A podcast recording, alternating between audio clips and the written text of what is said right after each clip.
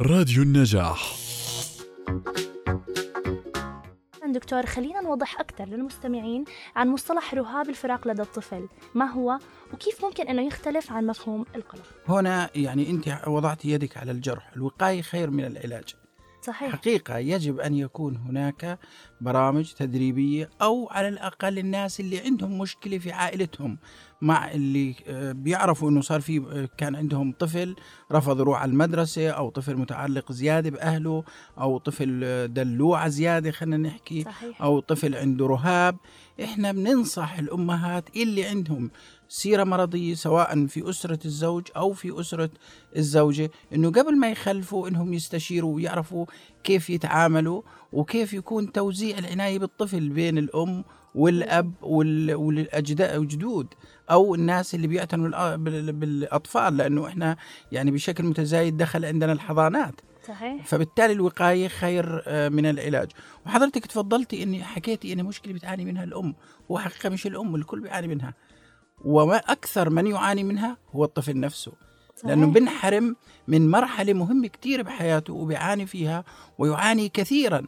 حتى إنه يتعدى هذه المرحلة.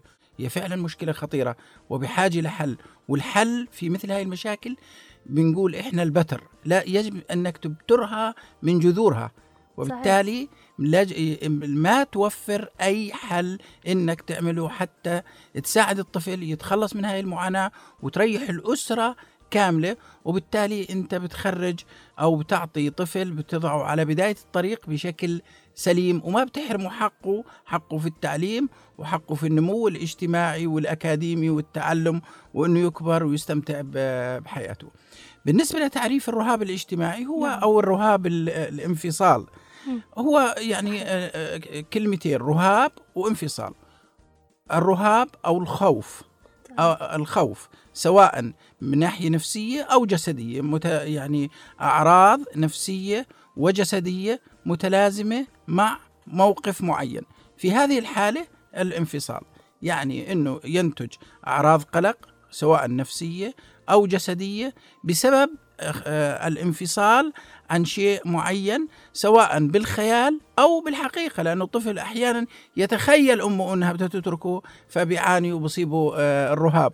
وبتكون عنده الأعراض بدون أمه ما تتركه هي أمه بتكون موجودة. بنسمع كثير من الأهالي إنه يعني ابني لما بدي أروح على المطبخ بيلحقني لما بدي أروح فبضل بقلق بالضبط. فبتشبث بالأم وكثير إحنا الصورة النمطية الموجودة في في عقولنا إنه الطفل يمسك بثوب أمه. صحيح نعم. صحيح. فبالتالي هي عبارة عن خوف وقلق مرتبط ارتباط لصيق بعملية الانفصال عن الشخص الذي يعتني بهذا الطفل. في الغالب يكون الأم في الغالب يكون الأم ولكن ممكن يكون عن الجدود لأنه مرات أحيانا الجد الكبير بالعمر بتوفى فالطفل بصيبه آه، رهاب أو بصيبه قلق. أحيانا بيكون شغالة متعلق فيها الطفل بتسافر بتخلص عقدها فبصير الطفل عنده رهاب. أحيانا بيكون الانتقال من مدرسة لمدرسه حتى على عمر متقدم مش شرط بداية المدرسة. إنه الطفل خلص كبر المدرسة هاي ما فيها غير مرحلة ابتدائية.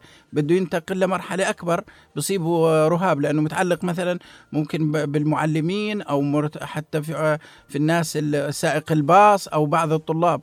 فبالتالي هي مرتبطة بالانفصال عن شخص يعتني بهذا الطفل. صحيح صحيح. ممكن نعم. إنه مش ضروري إنه تكون الأم بقدر ما إنه يكون الشخص اللي بيقدم له آه، أي أشياء أساسية في حياته أو شيء هو بيحبه أو بفضله. بالضبط بالضبط.